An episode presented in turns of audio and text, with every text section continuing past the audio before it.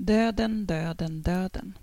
Så lär Astrid Lindgren och hennes systrar ha börjat samtalen på ålderns höst för att det där skulle vara avklarat och de kunde börja prata om annat.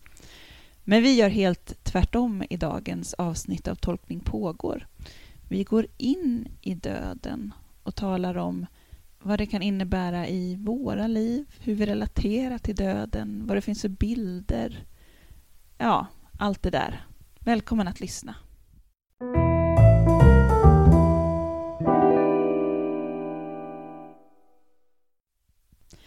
Idag så ska vi tolka kring söndagen efter Alla helgons dag, som också kallas Alla själars dag. Och temat är vårt evighetshopp. Och jag som talar nu heter Lisa Winsander och är präst i Lunds domkyrka. Och tillsammans med mig sitter Johanna Lundin. Jag är också präst, eh, ganska nybliven präst. Eh, jag prästvigdes i juni och nu så jobbar jag i Hässleholms församling i Lunds stift där jag är pastorsadjunkt, vilket man är sitt eh, första år som präst. Ehm, så jag arbetar med sånt som en präst gör, döper barn och har begravningar och konfirmander och så. Och jag bor här i Lund, mm. men är från Sigtuna från början. Mm. Mm. Kul att du är här. Får jag be dig att presentera och läsa texten? Ja. Mm. Nu på, eller på söndagen efter Allhelgons dag i år så är det tredje årgångens eh, texter som vi läser. Och evangelietexten är hämtad ur Lukas evangeliets eh, tjugonde kapitel. Jesus sa att de döda uppstår har också Mose visat istället om törnbusken där han kallar Herren för Abrahams Gud och Isaks Gud och Jakobs Gud. Gud är inte en Gud för döda, utan för levande, ty för honom är alla levande.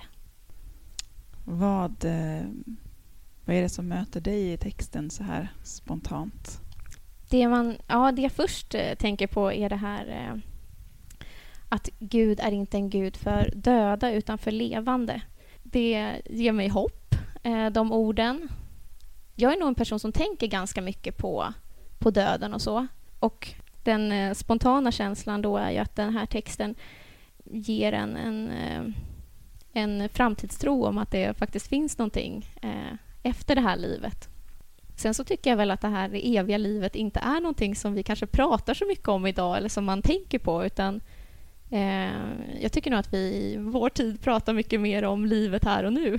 så mm. på så sätt är det här ett, eh, tycker jag att det blir en, eh, en spännande text. att Även om den kanske beskriver en eh, väldigt central, central grej i den, eh, i den kristna tron så är det någonting som jag inte tycker att vi pratar jättemycket om. Att, eller jag vet inte vad du tycker. Tycker du att vi pratar mycket om det nej. eviga livet? Ja, nej, det tycker jag inte.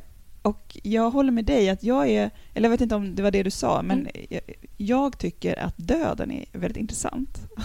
Alltså det är ett ämne som verkligen intresserar mig. Ja. Och jag tycker att kanske är det i förhållande till döden som jag som kristen möter nästan mest fördomar.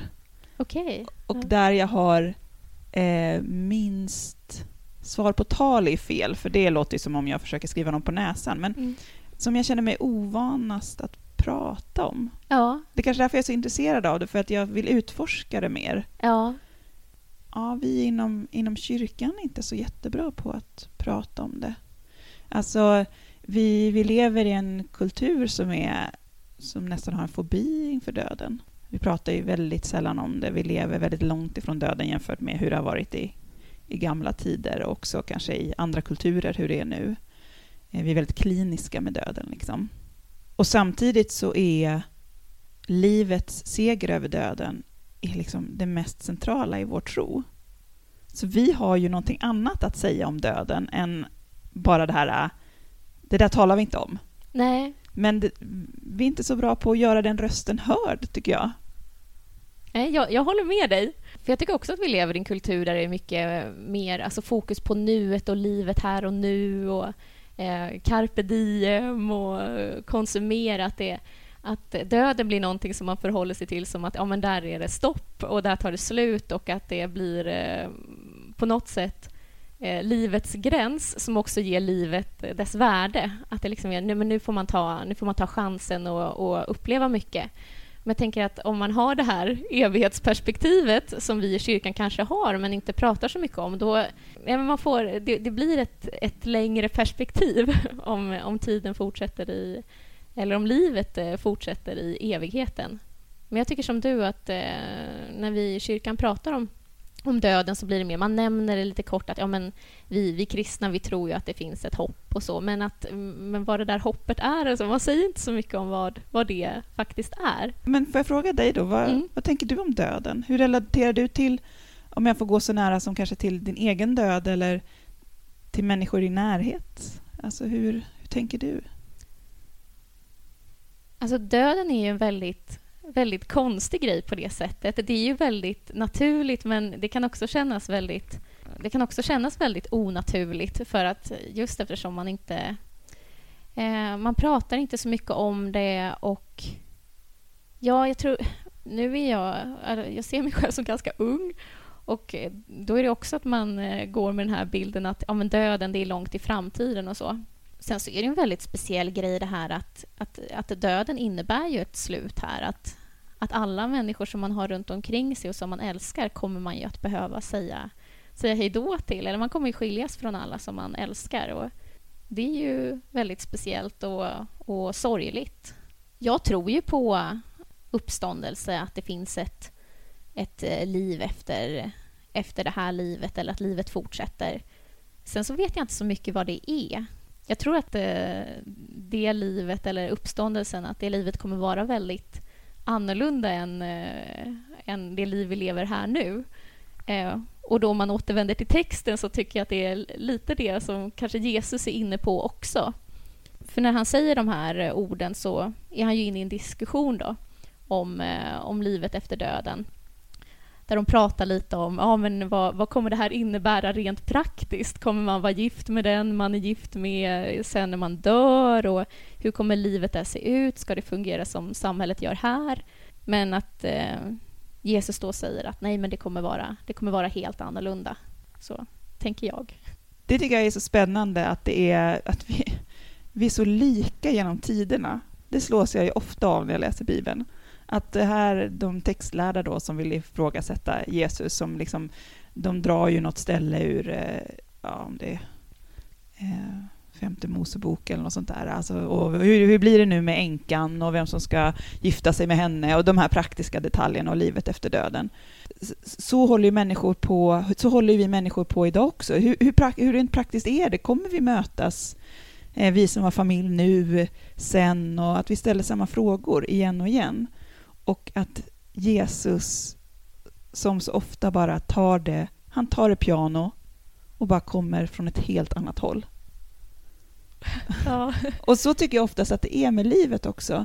Eh, att man förväntar sig att man ska få svar på ett eller annat sätt. Men man får aldrig svar på det sättet man har föreställt sig. Nej. Utan det är någonting annat som kommer en till mötes och så på något sätt löses den knuten upp de drar ju fram ett, i, det är Deuteronomium, det är alltså, är det femte Mosebok? Ja, femte Mosebok. Ja. Tror jag det här stället där de frågar om vem, om änkan och, ja, läs texten innan i Lukas.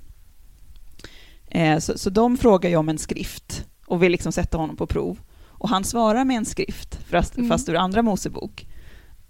Och det tycker jag också är så, ja, men så klurigt liksom att att eh, jag gillar hur han faktiskt möter kunskap med kunskap, men från ett helt annat håll. Mm. Han bara liksom tar en, en, en, helikopterblick och ger oss inga svar som vanligt. Han ger oss ju aldrig svaren vi vill ha liksom exakt, eh, men han bara svarar på ett helt annat sätt.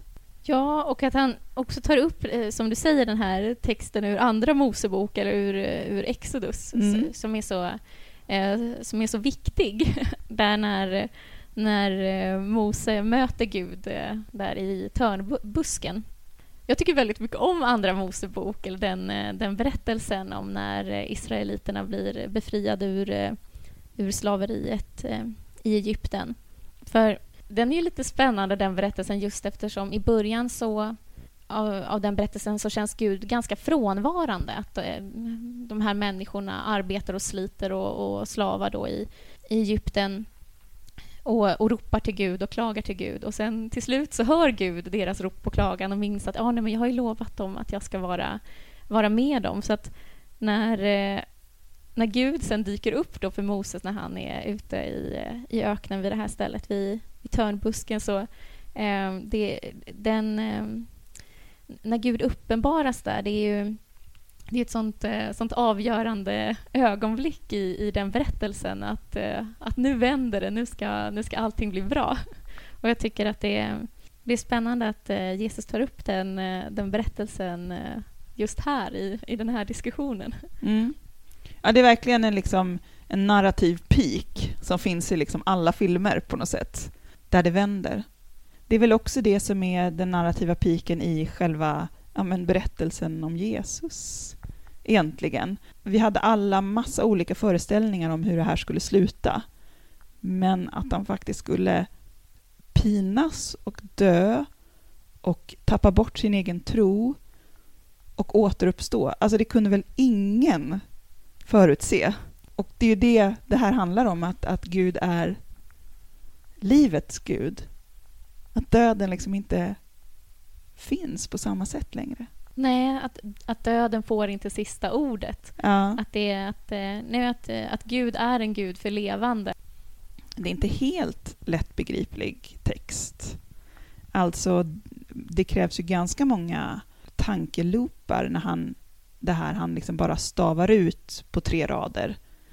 Där han kallar Herren för Abrahams Gud och Isaks Gud och Jakobs Gud. Av de tre raderna så drar han slutsatsen att Gud är en Gud för levande och inte för de döda. Ja. Jag tycker inte det är helt lätt att förstå. Alltså att det ändå är, det är typ för att det är skrivet i presens form. Eller? Han var, för om det skulle vara på något annat sätt så skulle han ju säga han var Abrahams Gud och Isaks Gud och Jakobs Gud. Men nu står det han är.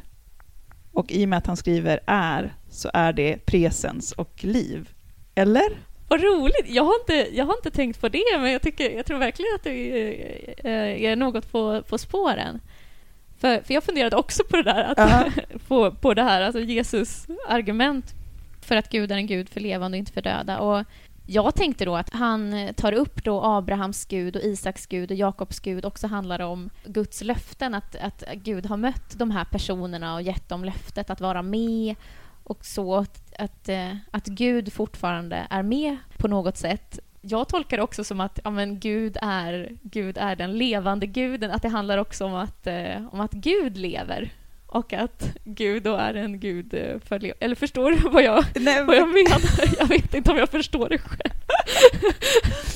Ja, men att Gud är en, en verkande gud i skapelsen, att på något sätt är att en skapelse som hela tiden pågår. Jag tänk, eller jag, får jag associera bara? Det här liksom med det judiska också, liksom att Gud är en väldigt äh, agerande Gud. Alltså det går till och med att argumentera med Gud, som, som finns väldigt mycket i den judiska traditionen, att det är så ostatiskt. Är det så du tänker? Eller? Ja, att, att, att Gud griper in i, i, historien och att, ja, men att Gud är kvar och håller vad, vad han har lovat. Att, eh, och att alltså, Gud överger aldrig, inte ens i döden överger Gud, utan Gud fortsätter att vara med och att eh, döden då inte finns. För det tycker jag är ett spännande skifte, att, att, att jag tolkade texten som att i och med att det är i presens så på något sätt så lever Abraham och Isak och Jakob fortfarande och därför är han deras Gud. Han var inte deras Gud. Och du lyfter fram aspekten av alltså att Gud är... Att är. Gud är? Ja, är levande. Ja. ja. Och då, då, knyter vi ihop det med, med presensformen ja. i så fall. För det är också i det här eh, bibelstället som eh, som Jesus refererar till, alltså när, när, eh, när Gud presenterar sig själv för Moses. Det är också då som eh, ja, men Gud presenterar sig vid namn, mm. och att, vilket ibland översätts till jag är. Och då tänker jag också att det där jag är, alltså varat till skillnad från att, att inte vara och att jag tänker väl också att det, det levande hör ihop med att vara på något sätt och att döden kan vara att inte vara Eller Mm. är, du med på... Verkligen. Mm. Att det levande, jag är. Ja, då tänker jag liksom, ja men bara här, här i det här rummet nu när vi sitter här tillsammans. Att här finns någonting som är i den här, i den här sekunden, i det här ögonblicket. Ett ständigt är. Den här då otroligt levande guden, den här organiska guden som är ett med sin skapelse, på något sätt ständigt flödande. Vad händer då i mötet med, med döden? Alltså vår, våra kroppar dör ju ändå. Ja, men det, det är det som är det, alltså, det, det läskiga med döden på något sätt om man, om man ska koppla det till, till varat och icke-varat på något sätt. Att när, när vi är, eller det är ju det enda vi har erfarenhet på något sätt, att vi, vi är kroppar eh, i, i den här världen och vi upplever saker eh, för att vi är. Och, och då blir det ju obehagligt att tänka på den här döden för att den kommer ju vara någonting helt annorlunda, eh, tänker jag. Och att då för... Även om man har det här, eh, det här eh, hoppfulla budskapet eller tron på att det händer någonting sen så är det, vi har ju också erfarenheten av att livet tar slut. Att, att eh, ja, men människor runt omkring oss dör, att vi själva ska dö. Och då upplever ju vi i den här världen det där stoppet, att en människa slutar att, att vara här och går, går över i någonting som vi inte vet vad det är eller kanske att allt bara tar slut, att allt slutar, slutar vara på något sätt. Men, eh, men då om guden är det här jag är och att vi i, i döden får, eh, får, eh, får vara hos Gud, då kommer vi fortfarande att vara och liksom finnas, även om det är på ett annat, eh, annat sätt, kanske. Ehm, ja, men jag vet inte vad, vad, vad som händer. Ehm,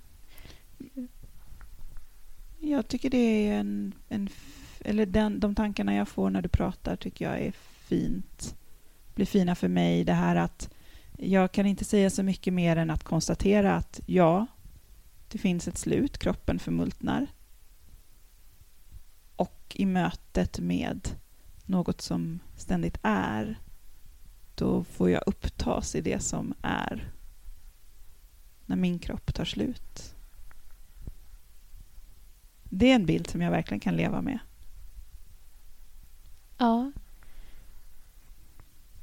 En bild som, eh, som jag eh, tycker är väldigt fin och som eh, jag eh, använder ibland i griftetal och så är eh, den här bilden av ja, men när, när, när, när vi dör och blir, blir ett med jorden på något sätt och att, ehm, att eh, att eh, det går att koppla ihop med livet som växer, naturen och att eh, årstiderna och att livet alltid återvänder på nytt på något sätt. Att uppståndelsen också är någonting som vi ser i, i vår natur. Att, eh, att eh, efter vinter så kommer vår och att, eh, att det, det är ett eh, liksom, kretslopp som, som ständigt pågår.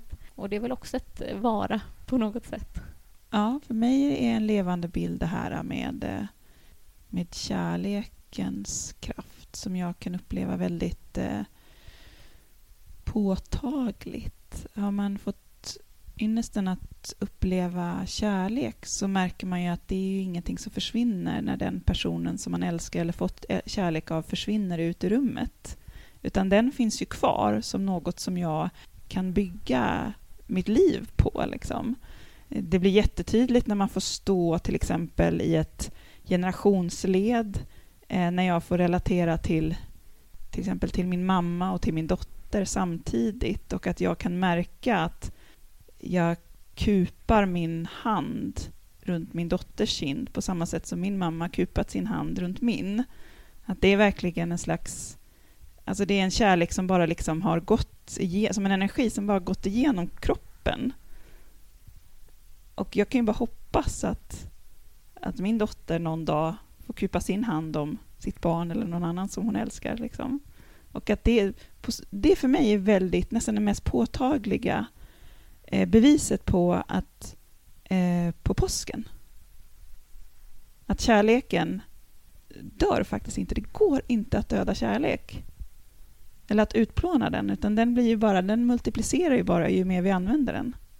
Och det är kanske också det jag använder när det är mörkt om natten och jag ska trösta knyttet inom mig. Och när jag tänker på... Jag menar, för den här helgen är ju också en helg för alla oss som har mist någon som står oss nära och som vi saknar och som vi har älskat och som eh, det nästan är obegripligt hur man ska kunna leva, fortsätta leva utan. Och då tänker jag på det. Det finns något trösterikt i det. Att den kärleken som vi delade inte kan försvinna.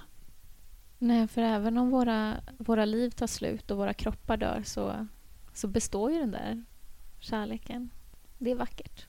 Mm. Så naturen och kärleken.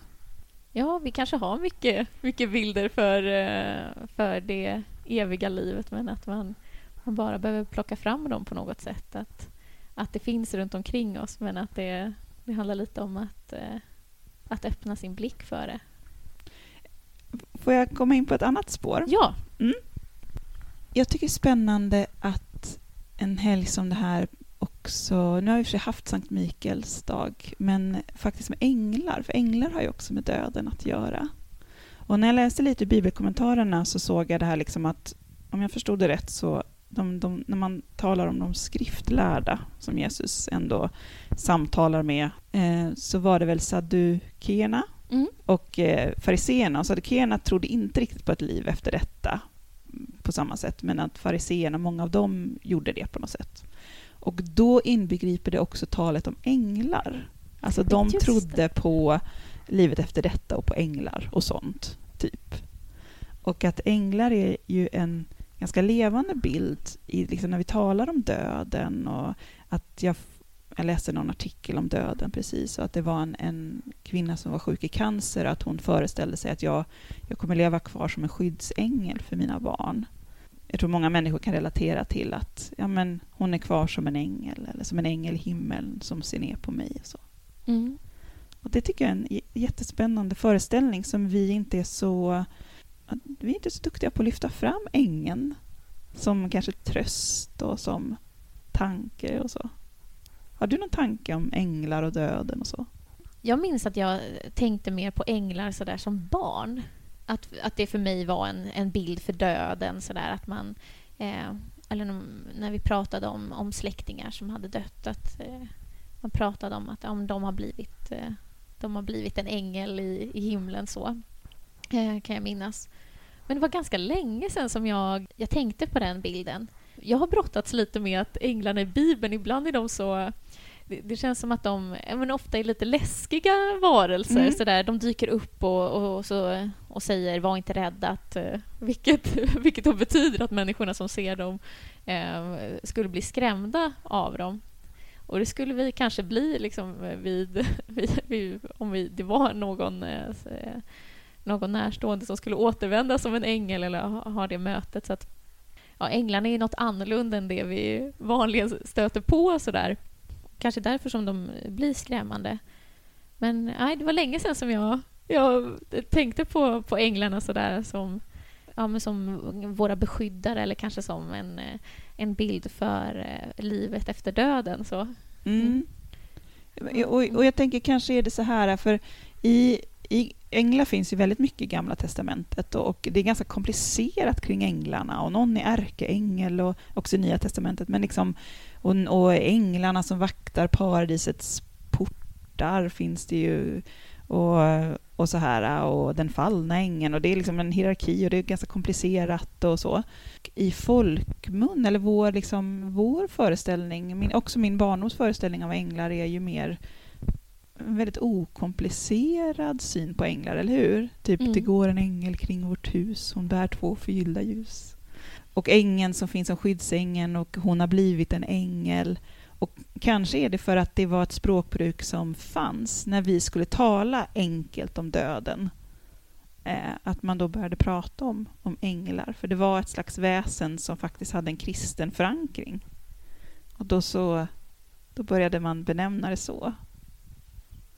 Men eh, jag, jag kan tycka, i alla fall i mitt liv, så är ängeln lite en outnyttjad resurs. ja, men så här Ja. när jag ska prata om, om, ba, om döden med, med barn till exempel. Och så här. Jag tycker det är en väldigt fin bild. Men har ängelbilden varit viktig för dig också i, i, i ditt liv? så? När du förhåller, eller när du tänker på döden? Så. Ja, på något sätt när jag tänker kring mina... Jag har fram, kanske framförallt relaterat till änglar som skyddsänglar.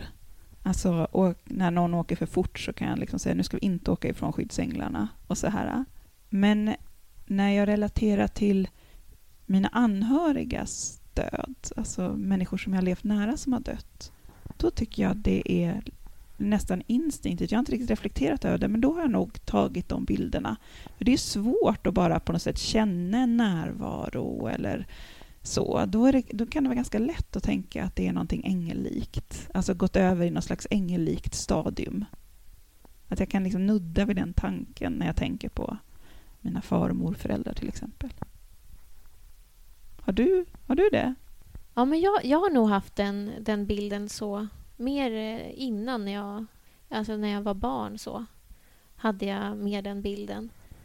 Men sen kanske den ändå finns med eh, även om jag inte har, satt ord på det. Att jag tänker ju ändå att eh, när man eh, dör eller när, när människor runt omkring en dör att de finns kvar på något sätt. Att de är närvarande. Och då, då är det som du säger, då är den ängelbilden väldigt, väldigt tacksam och ganska okomplicerad så att det är en det är en närvaro som vi inte, inte alltid kan se utan som, som finns där i, i närheten. Det är en väldigt eh, trygg bild. Mer änglar. Ja, mer änglar önskar Mm, vi. mm. Mm. Och det här kanske får bli det sista vi säger idag. Mm. Och eh, ja, jag tror vi båda önskar alla en fin och fridfull helg.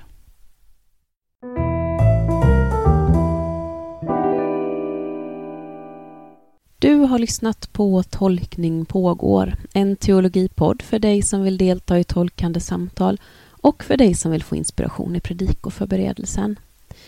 Tack för att du har lyssnat och om du har tyckt om det du har hört så får du hemskt gärna gilla oss på Facebook och dela i dina sociala medier. Lyssna kan du göra på iTunes och Acast och vi har också en hemsida. Där kan du hitta våra, alla våra avsnitt som vi har spelat in tidigare och också de som komma skall. Hemsidan hittar du om du bara söker i valfritt sökfält tolkning pågår så är det det första som kommer upp där. På återhörande.